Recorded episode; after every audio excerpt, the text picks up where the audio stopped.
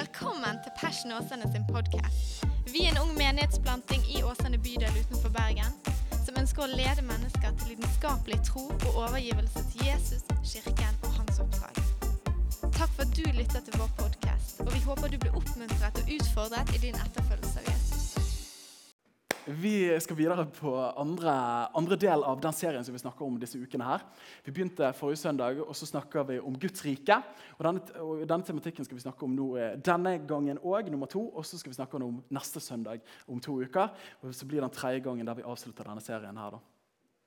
Forrige gang så snakket vi om store spørsmålet Guds rike. Hva er det for noe egentlig? da? Det er et spørsmål som jeg har stilt meg mange ganger, og jeg tror veldig mange andre har stilt seg. At Jesus sier Guds rike hele tiden. Men hva i huleste? Sterkeste kristne uttrykket man kan bruke. Er Guds rike for noe egentlig? da? Og Jeg snakket litt om hvordan at det finnes et løfte om Guds rike i Det gamle testamentet. Og så kommer det en oppfyllelse av Guds rike i Det nye testamentet med personen Jesus Kristus. Og så en dag kommer det en fullbyrdelse av Guds rike. Og snakker om hvordan Guds rike har kommet nær med Jesus. Himmelen har møtt oss her og nå. Men en dag skal himmelen komme enda mer. da. Og snakket helt enkelt om at Guds rike hva er det? Jo, Guds rike er stedet der Guds fullkomne vilje regjerer. Og Dette er både vårt håp for framtiden som kristne, men det er òg vår hensikt i nåtiden å søke Guds rike først. Så det er bra. Og I dag så skal vi gå videre skal vi snakke om Guds rike til mennesker. skal Vi snakke om det. Og vi skal ta utgangspunkt i Matteus, det 9. kapittelet og det 35. verset. 35, Går det an å si det? I vers 35, sier vi. I vers 35, og så skal vi lese noen vers der. Og eh, Historien er her at Jesus har entret scenen. Han har gjort tjenesten sin. Han begynte i det femte kapittelet å ha bergpreken til det syvende kapittelet. Og i det åttende og niende kapittelet så møter vi bare masse skildringer av hvordan Jesus helbreder mennesker, hvordan han setter mennesker fri, hvordan han gjør overnaturlige gjerninger. Og I slutten av det niende kapittelet der, så får vi en oppsummering av hva Jesus gjør for noe, og den uventede vendingen som hele denne narrativen tar plutselig. Og Vi leser i Jesu navn. Så står det deretter dro Jesus omkring i alle byene og landsbyene. Han lærte i synagogene deres, forkynte evangeliet om riket. Det er jo det vi har snakket om disse gangene. evangeliet om riket og helbredet alle slags sykdommer og alle slags skrøpeligheter blant folk. Jeg elsker de versene der. Det står ikke noen, det står ikke bare en sletters eller en tinnitus, enn hvor fantastisk det er, men alle slags sykdommer og alle slags skrøpeligheter blant folket. Og så leser vi videre. Men da han så folkeskarene, ble han grepet av dyp medlidenhet med dem. For de var utslitte, de var motløse og spredt omkring som sauer uten hyrde. Da sa han til disiplene sine.: Høsten er sannelig stor, men arbeiderne er få. Be derfor høstens herre å drive ut arbeidere til sin høst. Etter at han hadde kalt de tolv disiplene sine til seg, ga han dem makt over urene ånder til å drive dem ut og til å helbrede alle slags sykdommer og alle slags skrøpeligheter. Og Så hopper vi et par vers videre og til det syvende og åttende verset i det tiende kapittelet. Så står det når dere går av sted, skal dere forkynne og si himmels rike er kommet nær. Helbred syke, rens spedalske, vekk opp døde, driv ut demoner. For ingenting har dere fått det, for ingenting skal dere gi det videre igjen. da. Og Vi skal snakke i dag om Guds rike til mennesker. Guds fullkomne vilje til mennesker. Hva er det for noe? I Jesu navn. Herre, vi ber for de øyeblikkene vi deler. Herre, at dette skal bli mer enn ord, men at du taler til oss, Herre, med Din Hellige Ånd. Og vi har den tilliten til deg, Gud. At du taler til oss om det som vi skal snakke om, men òg, Herre, utover livet, utover i livene våre òg, far. Så Herre, jeg ber om at du åpner våre øyne, jeg ber om at du vekker lengselet vårt indre til å ikke bare være konsumerister, kristne konsumerister, men at vi kan få lov til å være kraftfulle kristne som gir verden et smak av deg, Jesus, i ditt mektige navn. Amen. Amen. Er dere klare? Prøv en gang. Er dere klare? Ja. Det er så bra. Hvis du er trøtt, så er jeg litt trøtt i dag. Um, men jeg er klar. Jeg er klar. Satt under diskokulen på danskebåten i dag tidlig og sa at eh, nå må jeg få preken inn under huden. Så dette, den er her. Du, Assosiasjonene til kristne går ut på Åsane terminal. Jeg husker For et par år siden så var jeg med på et prosjekt med en annen kirke her i Åsane. Eh, der jeg var med ut, og så skulle vi spørre folk hva er påske for noen ting. Og Så gikk vi bort med en mikrofon langt opp i munnen deres, bak i ganen deres, og så spurte vi hva forbinder du med påske. Nei, pinse var det. Og folk er på scenen pinse. Hva er pinse for noe, egentlig? Pinse, Er det liksom, eh, er det et rockeband fra USA? Eh, og, så, og, så, stilte jeg spørsmålet, og så vet jo folk egentlig ikke hva pinse er for noe. Er det skolefri? Er det det som er tingen? Og så var det noen som sa ja, det er jo når eh, læresveinene fikk Den hellige ånd. Så det var noen som kunne sin katekisme der, men de fleste visste ikke hva det gikk i. da.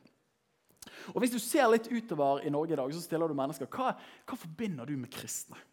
Og så er det nok veldig mange ting som kunne kommet opp, og det er individuelt. Men jeg tror mange ville sagt at du kristne, det er folk som, eh, folk som er ganske snille. Sånn Jevnt over forholdsvis snille. OK folk. Uh, og så er det noen som vil si ja, de har liksom veldig mange fine ord, som de sier, de har fine bekjennelser. Og så vil så klart noen ha en liten snert av å si ja, men de har kanskje fine ord, men de har ikke alltid like fine liv. Og så får du liksom hyklerstempelet. Det er jo veldig kult å plassere det på kristne. Av og til fortjener vi det, av og til fortjener vi ikke.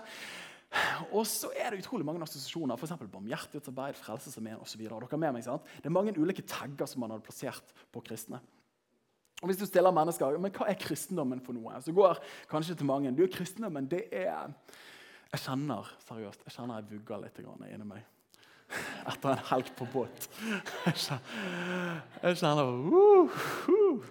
Eller er det Den hellige ånd? Hvem vet? Jeg må ha to bein på, på, på bakken. Dette er bra for podkasten. Men, eh, men hva forbinder man med kristen tro?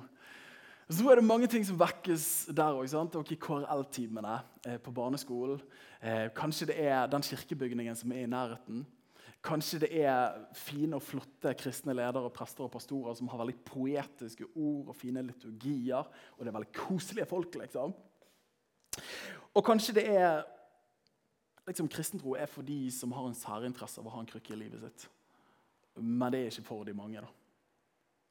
Og nesten litt sånn Uansett hvor du lodder stemningen i Norge og så er ikke ordene som kommer når du stiller mennesker hva er en kristen for noe, eller hva er kristen tro, så er det ikke sånn at folk sier du, når vi snakker om kristne, så snakker vi om kraft. liksom. Oh, da snakker vi om real power. Så det kommer ikke med det første. Eller hvis vi snakker om kristne, nei, vet du hva, da snakker vi om helbredelser. Da snakker vi om at sliter jeg med noe, then I go to church. liksom. Og så blir jeg frisk i kroppen min, og så kjenner jeg glede på innsiden. Og når jeg møter depresjon og når jeg møter livskriser, da drar jeg i kirken. For der er det en overnaturlig Gud som griper inn i livet mitt. De ordene der er dessverre ikke de ordene som assosieres med kristne altfor ofte. Det er heller prestekjoler og litt rare glassmalerier i en kirke som vi ikke helt forstår. for dette er ikke helt tydelig, Men hvis du har gått på teologistudier, så klarer du å se symbolismen i det. liksom. Så at, altså, er du med? Altså, Det er ikke mind-blowing, det er ikke kraft, det er ikke overnaturlig. Det er ikke en levende Gud som assosieres med det å være kristen og det å ha den kristne troen ofte. da. Og jeg I 8. klasse så hadde jeg nettopp hatt en personlig Jesus-erfaring. Hadde tatt valg om å bli en disippel. Og Så sitter jeg på lagsmøte en dag. Og så snur, eh, snur, en kompis av en klassekamerat snur seg bort til meg og sier han, Daniel, jeg har vondt i kneet mitt. Og På det tidspunktet der så hadde jeg vokst opp med bibelfortellingen om at Jesus helbreder. og kommer fra kirkebakgrunn der man hadde bedt for syke iblant, men ikke sett veldig mye. Og Så spør han Daniel, kan ikke du ta og be for meg? Og Så legger jeg hånden bort på han, og så ber jeg for han, helt enkelt. Ikke en veldig stor forventning om at det skulle skje noe. Og så når jeg sier amen, og så går jeg tilbake til lagsmøtet, eh, og så snur han seg til meg og sier han, jeg har ikke vondt i kneet mitt lenger. Og det øyeblikket der det betydde utrolig mye for meg. For da, var det som om liksom århundrer med kristen kulturarv som vi har liksom flasket opp med i kristendomstimene fra vi er helt små. Plutselig så ble det bildet knust litt og ikke minst utvidet. Av at Gud er ikke bare gjemt i kirkebygget, men Gud er en levende Gud. Som ikke bare er kristentro som bare gir litt håp på denne siden av evigheten, men egentlig så er det bare ord så det gjør det bare litt koseligere. Det gjør det bare ikke så ondt. Men han kan egentlig ikke tilby noen e- stor forandring før, denne, før evigheten. Men når jeg ba for en syk person, så opplevde man at Gud grep inn. Ok, At den kristne Gud faktisk er en Gud som fysisk, konkret kan gripe inn i livet vårt her i dag. Det forandret måten jeg tenkte på, og det var med å sette meg på en litt sånn reise. Hva betyr egentlig disse tingene her? Er den kristenkulturarven vi kommer med, er den egentlig ikke hele bildet? Kanskje ikke det er en del av bildet i det hele tatt? Kanskje den levende Gud som han tross alt heter, er mer enn en formulering, men faktisk en levende realitet. Og Spørsmålet er egentlig hvordan er våre liv ment å se ut når vi følger Jesus? Hvordan er livene våre ment å se ut når vi følger Jesus? Og I møte med det spørsmålet så tror jeg egentlig at de to siste ordene sier alt. Når vi følger Jesus. Kanskje det er Jesus, den, den tingen han satte disiplene sine mest når det kom til liksom livsanskuelse, livsmisjon, livsretning. Så sa han 'følg meg'. Følg meg, følg meg. Det første han sa når han kalte disipler, så gikk han forbi det når de holdt på med garnene sine. Så gikk han forbi det liksom med iPoden i ørene, og så gikk han bort og så liksom sa han, gutta, følg meg. Og så gikk han til noen andre disipler og sa han, følg meg. Og så på slutten av livet, vi leser om det Johannes evangeliet, 21. kapittel der, så snakker han til, til, Peter og til Johannes og så bare sier han, følg meg. Nå skal jeg stikke, men bare følg meg.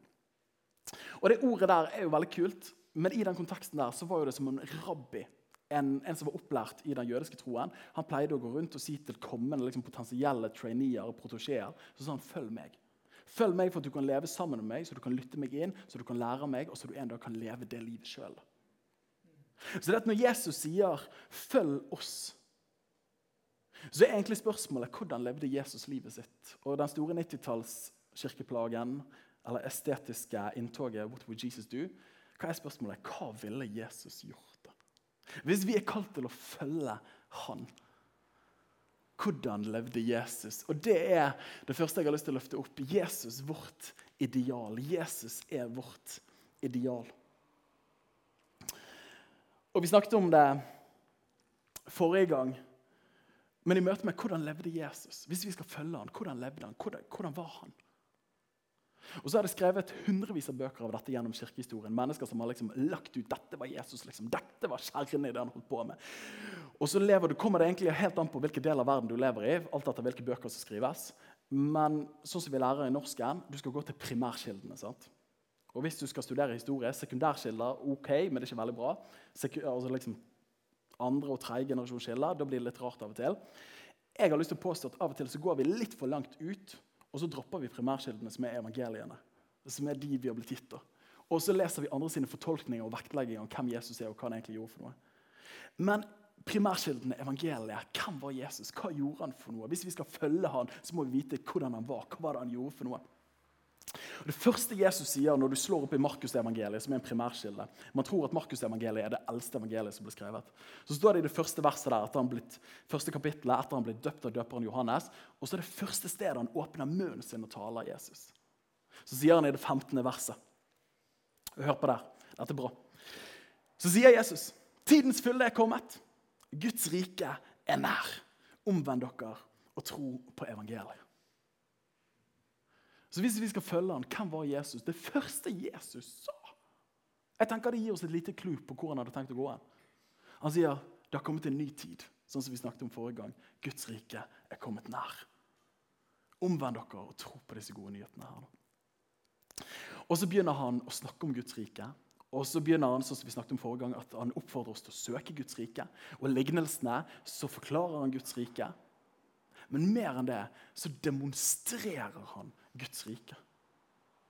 Han demonstrerer hva det vil si når Guds rike kommer nær. Og sånn som Vi leste det i dagens tekst, at Jesus dro omkring i alle byene og landsbyene.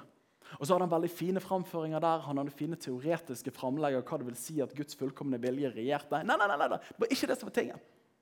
Det sto at han forkynte det, Åh, men så stopper ikke det der, heldigvis. Og Der har jeg lyst til å påstå at så mye av vår type kristendom stopper der. At vi proklamerer det, vi snakker om det, men så står det videre. Og han helbredet alle slags sykdommer og alle slags skrøpeligheter blant folket. Er ikke det gode nyheter? At han stoppet ikke der, da. Så han sa at Guds fullkomne vilje regjerer på jorden, begynner å regjere. Men det var ikke en fin intellektuell tanke som du kunne trøste deg med når livet var litt kjipt. og tenke at ja, men det er veldig bra, Guds rike har jo kommet nær. Det gir meg en trøst for tanken. Halleluja, amen. Men jeg må slite fortsatt. Og så, ja, nei, nei, nei, nei, Det er sant at Gud har kommet nær, men det er ikke bare en tanke. Det er òg en tilstand. Det er en erfaring som kan oppleves i denne tiden som vi lever i. Forrige gang så snakket jeg om at romerne i sjette kapittelet der, så står det i 23. verset syndens lønn er døden. At frykten av synd, det motsatte av Guds fullkomne vilje, leder til død. Det leder til død. Vi mennesker er ånd, sjel og kropp. Så dette leder til død i vår ånd, relasjon til Gud. At vi trenger å bli frelst. Det leder til død i vår sjel. At man kan oppleve seg bundet til sitt indre. Og så leder det til død i våre kropper, som er sykdom. Og vet du hva Jeg elsker Jeg elsker at når Jesus går rundt, så demonstrerer han hva det vil si at Guds rike har kommet nær til mennesker. Han forkynte evangeliet til de som ikke var frelst, de som trengte å bli tilgitt, de som trengte å få en ny begynnelse. Men de som var bundet av onde åndsmakter og ting i livet, og ting de hadde opplevd, så kommer han og reiser dem opp. Han gir dem ny verdighet, han gir dem kjærlighet. Han leder dem til helhet. Men ikke minst òg de som opplever at død begynner å sette inn i kroppene, som vi alle kan oppleve, så helbreder han de da, og så gjør han de hele igjen. Og Jesus demonstrerer det som Paulus sier til korinterne. Han sier at Guds rike består ikke i ord, men i kraft. Første korinterne 4, 20 sier han Guds rike er ikke ord. Det er ikke bare fine formuleringer, men det er kraft. Og Det tror jeg vi som vestlig kirke trenger å høre på nytt. Jeg vet jeg trenger å høre det. Vi som Passion trenger å ta dette verset til hjertet vårt. Og så kan du få inntrykk når du er en del av en litt sånn vestlig kristendom, at vi snakker om, om morallæren til Jesus. Vi snakker om undervisningen hans. Men så bare hopper vi akkurat som et svær bukk over alt det evangeliene primærkildene snakker om, det han faktisk gjorde. Forstår dere hva jeg mener? Eller du begynner å snakke om at når Jesus gikk på vann eller når han kastet ut onde ånder eller helbredet syke, så symboliserer vi det. Og så gjør vi det til et eller annet åndelig prinsipp. Men det handler jo ikke om kroppene våre. Det er jo ikke det at han kan gjøre det i dag. liksom. Og så åndeliggjør vi alt, sånn at vi fraskriver oss ansvaret for at faktisk det kan skje i dag. da. Er du klar over det? At 30% av Markusevangeliet er bare beretninger av at Jesus helbreder og setter mennesker fri overnaturlige inngriper. 30% Er 30% av vår kirke, 30% av, av kirken her i Vesten, er det at Gud gjør overnaturlige ting? Ja, 0,3% kanskje. Er dere med? Og I Matteus er det hele 41 rapporter. Både enkelthistorier, men også samleberetninger om hvordan Jesus helbreder. I Markus er det 34 beretninger. I Lukas er det 34 beretninger, og i Johannes evangeliet så er det 20 beretninger. Evangeliene er full av at Guds rike ikke bare var ord, men at Guds rike var kraft som kom nær til mennesker. Som ikke bare ga dem en trøst for tanken, men som faktisk ga dem håp i denne tiden som vi lever i. For de som opplevde å ikke være frelst, at, at, de hadde sin sak i orden med Gud i sin ånd. For de som opplevde å være bundet i sin sjel. Og for de som opplevde å være syk i sin kropp. Så hvordan levde Jesus? Jo, Jesus han ber oss følge han. Både ordene, men ikke minst gjerningene hans òg. Og jeg vet ikke om dere kjenner dere igjen i dette, her, men når jeg har vokst opp, av og til synes jeg hører det i ulike sammenhenger, at man kan liksom snakke om ja, men åndens gaver uten åndens frukt. Fysj og fy, liksom. Det må vi styre unna. Og så er jo ikke det at man, Nei, det er ikke jeg enig i, liksom. Så klart er du enig i det. Men så er det akkurat som man kan polarisere litt sånn her kristen karakter mot kraft. Forstår dere hva jeg mener? Og så lovpriser vi den fromme karakteren. Men så er det helt greit å ikke ha noe kraft i kristenlivet sitt.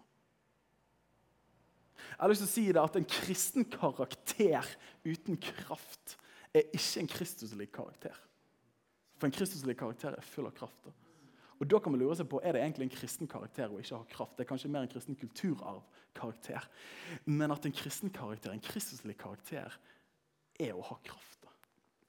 Altså Jesus er vårt ideal. Men mer enn det så er Jesus han har òg invitert og istandsatt oss til å være med på det.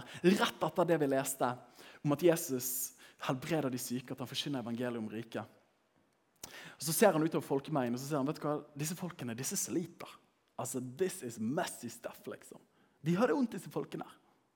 Og de er som sauer uten hyrde. Jeg vet ikke om du har den opplevelsen du går på sånne senter av til, sånn, her er veldig mange sauer uten hyrde. Så at, altså, Du ser alle folkene, og Jesus kjente det. Så står det at hjertet hans ble fylt av medlidenhet for dem. At han brydde seg om dem.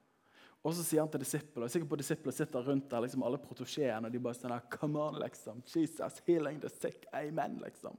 Det er bare så bra når du gjør de der greiene. Jesus. Når du tar det trikset når du spytter på, på fingrene dine, tar det, det, det er bare så kult. De tror at du fornærmer dem, men så helbreder du dem. Det er bare så funny, liksom. Masse delinger på Facebook. Og så sier han men vet du hva, folkens, disse disiplene mine, disse, disse folkene rundt der, de har det vanskelig. De har det vondt. Og så de bare, ja, men jeg er enig, de har det vondt. De sliter. Det, det har vi visst lenge, liksom. og så sier han, men be høsten Skal vi gjøre noe? Ja, be. Ja, ok, vi kan be litt. Vi kan be, det greit. Vi kan be høstens herre om å drive ut arbeidere. Treng, vi trenger noen hyrder til disse folkene. Vi kan be til Gud i himmelen. Men så stopper ikke han der, da. Og jeg digger det med Jesus. Men så sier han, men, men dere, eh, dere, jeg gir dere makt og myndighet til å kaste ut onde ånder. Wow, hva som skjer her nå, Jesus? liksom? Vi er med i teamet ditt, og vi digger at du gjør de greiene. Nei, nei, nei, nei, det er ikke nok at jeg gjør det. Jeg inviterer dere til å være med. Men mer enn at jeg bare inviterte dere til flere arbeidere, så istandsetter han disiplene sine. Og så sier han jeg gir dere myndigheten til å helbrede de syke og til å helbrede, helbrede alle slags sykdommer og til å kaste ut onde ånder. Nå er, nå er jobben deres. Jeg er sikker på at disiplene må ha fått den vendingen der. Liksom Fra å være med i gjengen til han bare sier vet du hva, nå er dere invitert og dere er istandsatt. 1, 2, 3. Take it and go with it. Og de bare Shit, tuller du med meg? Og så gjør han det. Og jeg vet at det er lett å tenke de ordene der. Så bare tenker man ja, men disse tingene de gjaldt de første apostlene.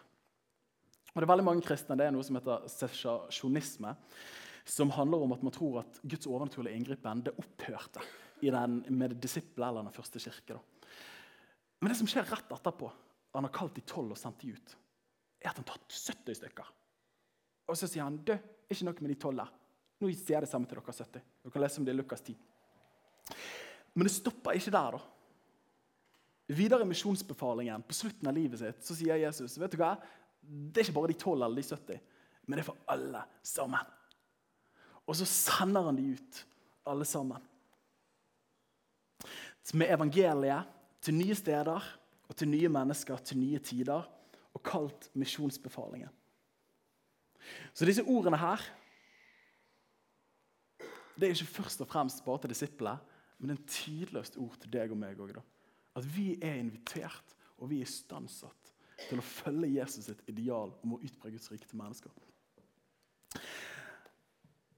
Og Når du hører disse tingene her, og jeg vet for min del, så kan jeg tenke vet du hva, dette høres bare litt for crazy ut. Og er du klar over det at når Jesus gikk på jorden her, så var han 100% Gud, men han var òg 100% mennesker. menneske. Men når han levde som her på jorden som Jesus Kristus, så levde han ikke her i kraft av sitt guddommelige natur, men han levde her som et menneske fylt av Den hellige ånd. Du kan lese om det i Filipperne 2, i vers 6 og 8. Der snakker Paulus om hvordan Gud, Jesus lot være å bruke sine guddomskrefter. Men så kom han som menneske. Og at Jesus gjorde ingen mirakler før han ble fylt av Den hellige ånd etter at døperen Johannes hadde døpt han. Så ble han fylt av Den hellige ånd, og så leser vi apostelens gjerninger, det tiende kapittelet, så sier Peter så sier han, hvordan Jesus, hvordan Gud salvet Jesus fra Nasaret med Den hellige ånd og med kraft. Han som gikk omkring og gjorde godt og helbredet alle som var undertrykt av djevel, fordi at Gud var med ham. Hva var suksessfaktoren der? Var det at han var Gud? Nei, det var ikke det. Det var at Gud hadde salvet ham, og Det er jo kristent språk for at Gud hadde liksom blåst ekstra på ham. Han hadde salvet ham med Den hellige ånd og at Gud var med han. Det var det som var forutsetningen for at hun kunne løse ut mennesker. Vet du hva de gode nyhetene er, da? Og dette gjør meg glad. Men de gode nyhetene er jo at du og meg har fått Den hellige ånd. Og de gode nyhetene er sånn som vi sang i den lovsangen her, at Gud er for oss. Så det er De to faktorene som gjorde at Jesus gjorde overnaturlige ting, Den hellige ånd at Gud var med han, de to faktorene har du og meg òg i Jesus. da. Og Det syns jeg er bare helt rått å tenke på. Og Når du tenker disse tankene her, så kan du sånn Men herlighet, dette er ikke tilfellet. Jeg ser gjennom livet mitt, jeg ser gjennom kompisene og venninnene mine sitt liv. Det er ikke akkurat sånn det bare oser evangeliedimensjoner på livene. Og det er sant her i Vesten, i livene våre. Vi lengter etter mer. Det er ingen tvil om det. Men hvis du titter utover rundt i verden, er du klar over det at vi har aldri vært i tidspunkt i menneskets historie der det skjer så mye rundt oss. Altså, Det har aldri vært en tid av menneskets historie der så mange mennesker venner seg til Gud. Er ikke det oppmuntrende? Liksom Alle landsdeler og verdensdeler folk venner seg til Gud, foruten Europa. Det er ikke så, så mye som skjer her. But we're gonna do something about it. Så dette Gud går fram. da. Evangeliet går fram.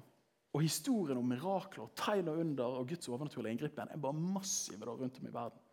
Og Jesus sa det, og det første, jeg tror det var et av de første bibelversene jeg lærte meg etter jeg ble kristen, var Johannes 14, 12. Og jeg trodde ikke mine egne øyne når jeg så det verset. Og i det verset der Jeg husker jeg leste en bok. og så jeg bare sånn her, jeg leste en sånn helbredelsesbok som mamma de hadde gitt meg. og sa vet du hva, Gud kan gjøre masse greier. Jeg bare sånn, ja, det er veldig bra. Og så leste jeg den historien der, den boken.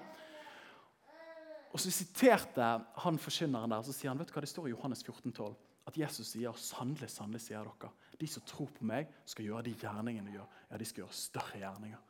Og Jeg trodde ikke det jeg leste, så jeg måtte hente Bibelen og slå det opp sjøl. Sånn, This is an American preacher. Han overdriver.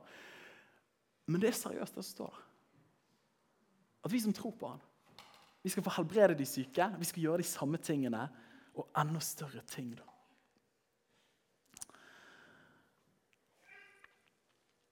Så vi har fått Den hellige ånd. Vi er invitert, men vi er òg istandsatt til å leve det livet som Jesus kalte oss til å leve. Det er utrolige nyheter.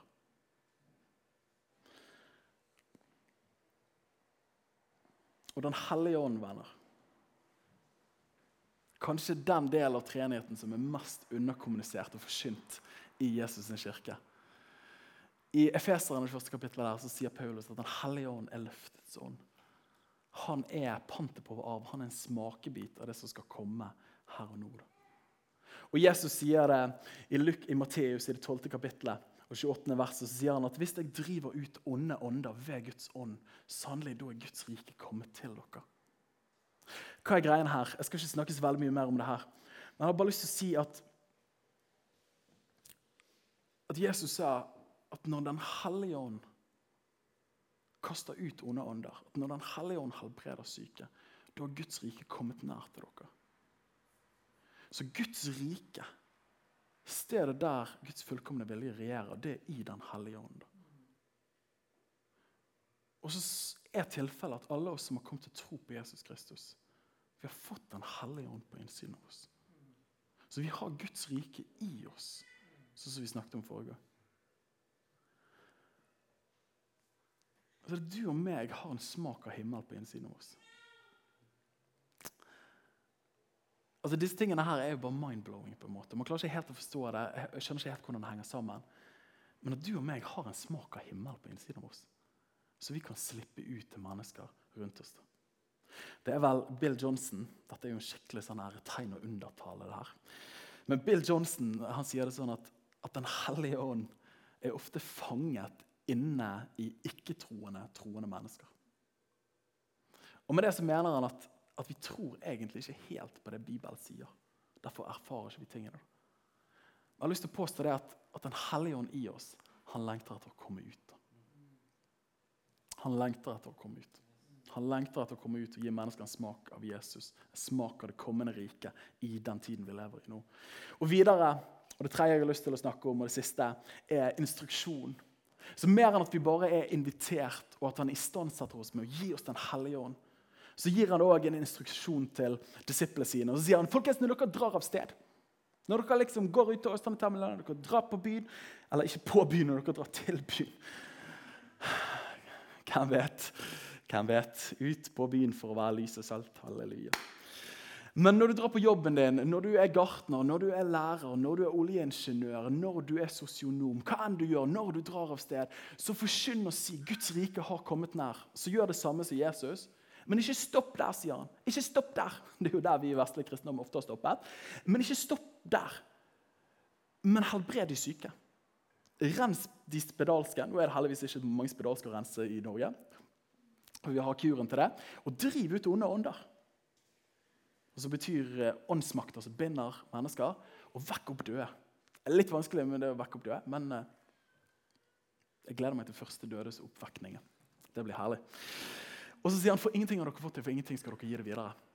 Og Nå skal jeg ikke gå veldig detaljert inn på akkurat den instruksjonen der, men helt enkelt Dette kommer dere til å huske resten av livet deres. Men helt enkelt så går det ut på to ting. Det går ut på å proklamere og det går ut på å demonstrere.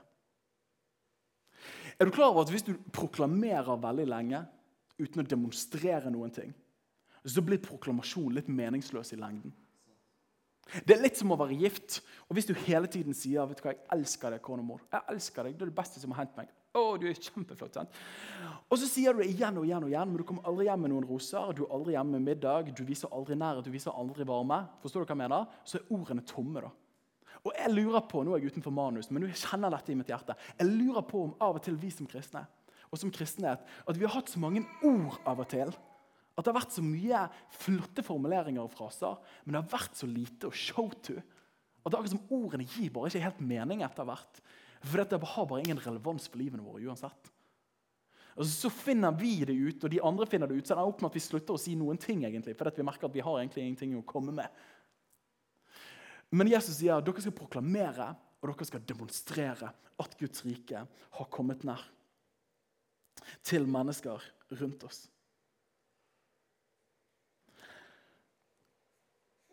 Ikke bare kjærlige ord, men òg kraftige handlinger.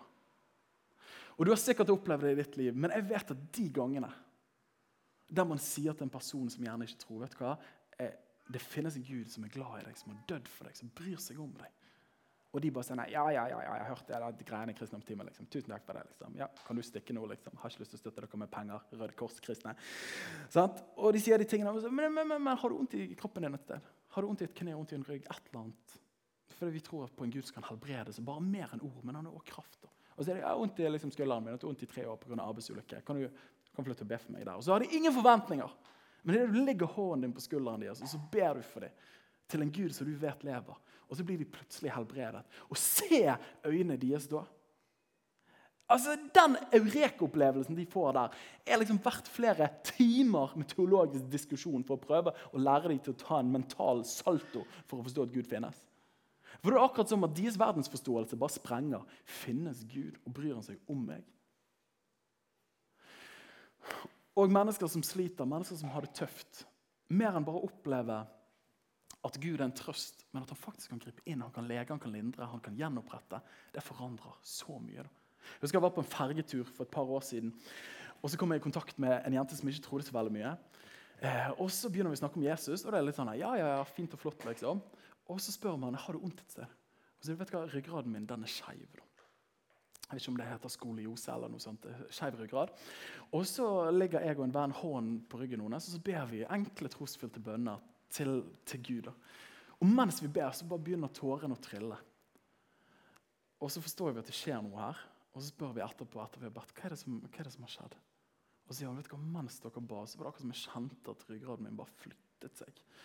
Og Dette er jo ikke folk som har vokst opp i kristen sammenheng. De har jo ikke lært seg at liksom, de skal oppmuntre de som ber for dem. og sånt. Så, dette, så, så det var jo Det var jo real deal. Og de øyeblikkene der det er bare så nydelig. da. Det er ikke bare ord, men det er kraftige handlinger. da. Jeg husker òg for eh, Jeg også, eh, jeg var En av de sterkeste historiene mine møtte med mennesker som har, kjempet med ting på innsiden. Ikke bare kroppen, men på innsiden. Det var En gang jeg var og skulle forkynne et sted, og så hadde jeg opplevd å få et kunnskapsord på forhånd. Om at det var en person der som slitt med angst veldig med angst. Og så hadde jeg prekt og bare sånn, jeg vet hva, jeg er ferdig å preke. Jeg, jeg har ikke lyst til å dele kunnskapsord. Jeg føler ikke det er atmosfære for det. Men så tenker jeg, jeg må bare si ordene for det. da. Og så sier jeg jeg tror det er noen her som, eh, som kjemper med angst, og, og, at eh, du har et dårlig forhold til moren din. Var noe sånt da. Og så bare ingen responderer. Det er ingen som liksom, ja, det er meg, det er meg, liksom. Sånn. Det var ingen som sa det. Så jeg bare tenkte det var what a boomer, liksom. Og så viser det seg etterpå da, at det var en jente der som hadde opplevd en skilsmisse, eller moren og faren hadde skilt seg, og så hadde moren på en eller annen måte klandret ungen litt da, for at det hadde skjedd. Hvorfor sånn hun opplevde det. Veldig anstrengt forhold til moren sin, og slett kontinuerlig med angst. Fikk lov til å be moren, fikk lov til å lede henne gjennom tilgivelse. Tilgi moren, tilgi faren. Og den dagen derpå så, så hadde hun vært på jobb. Og hun, eh, hun, pleide alltid å ta med strikketøy når hun skulle på jobb. For dette, Hvis hun ikke hadde noe å gjøre på, så kom frykten, så kom tankene. Og da, og da kom panikken, fikk hun panikkanfall. Så derfor måtte hun gjøre på noe hele tiden. Men så fikk jeg melding den dagen etterpå at den dagen hadde hun glemt strikketøy når hun skulle på jobb. Og hun var jo kjempenervøs. Men for første gang hun hadde vært på jobb, så kjente hun fred og fikk ingen anfall. Og så tenkte jeg ok, det kan jo være placebo eller det kan være et eller annet sånn greie. Jeg tenkte jo ikke det, men av og til kan mennesker tenke det. Og så måtte jeg kontakte henne flere måneder etterpå. Hvordan står det til? liksom? Er det greit? Og hun bare sånn, vet du hva? Den dagen der, når jeg tilga min mor, når jeg slapp de greiene der, så slapp angsten tak i livet mitt, og så ble jeg fri. da. De historiene der, jeg elsker dem. For det er ikke bare ord, men det er kraft. Og du og meg er kalt til å ta Guds rike til mennesker. Så hvordan er livene våre ment oss ut når vi følger Jesus? Jo, vi er invitert, og vi er istandsatt til å følge Jesus sitt ideal. Nemlig å proklamere at Gud har kommet nær, og han er god. Men ikke stoppe der, men også demonstrere det til mennesker. Og helt til slutt så har jeg bare lyst til å si det. Det var En som sa det, en veldig vis mann. Han sa at har du lyst til å se syke mennesker helbredet, så må du be for syke mennesker. Ja, Det var bare sånn seriøst, liksom. Seriøst. Er det sant? Ja, det er helt sant. Skal du se at syke blir friske, så må du be for syke mennesker. Skal du se at mennesker som har det vanskelig, får det enklere, så må du oppsøke og være i kontakt og våge å lytte og være til stede i mennesker som har det krevende. Da. Og Da kan vi be så mange fine bønner vi har, men hvis ikke beina våre blir bevegelse for bønnene våre, så vil vi aldri se at Gud griper inn. Da. Jeg drømmer om for mitt liv, jeg drømmer om for vår kirke at vi skal ha de deiligste ordene som Åsane og Bergen noen gang har hørt, men enda mer enn det. At vi skal ha liv, at vi skal ha gjerninger, at vi skal ha handlinger. At Gud griper inn mer enn bare ord. At ordene våre kan få større verdi fordi at Gud backer det opp med at det skjer noe. Da. Vi lever allerede ennå ikke. Alle blir ikke helbredet. Men vårt ansvar er ikke og si at vi kan ikke be for alle syke, for det er ikke alle som blir friske. Vårt ansvar er å be for de syke, hjelpe de som er bundet, og forkynne evangeliet til de som ennå ikke tror. Og så er ikke det alle som opplever at det skjer noe, men jeg tror at veldig mange flere kan få lov til å oppleve at Gud griper inn enn det vi opplever i dag. Er du med meg på å be, be om det? Skal vi ta og be helt til slutt? Jesus, vi takker deg, Herre, for at du er en god Gud, du er en levende Gud. Og Jesus, vi kjenner det brenner i hjertet mitt, Herre. Og Jeg ber for oss som kirkegud. Jeg ber for oss, Herre, at vi ønsker å følge deg, Jesus.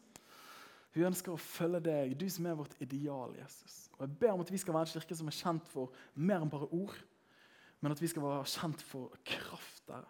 At vi skal være kjent for at du leger de syke, at du løser de som er bundet, at du gir nytt liv til de som ennå ikke kjenner deg. Herre. Jeg ber om det, Herre. Og jeg har lyst til å be for oss her om at du gir oss helligånd frimodighet inn i livene våre.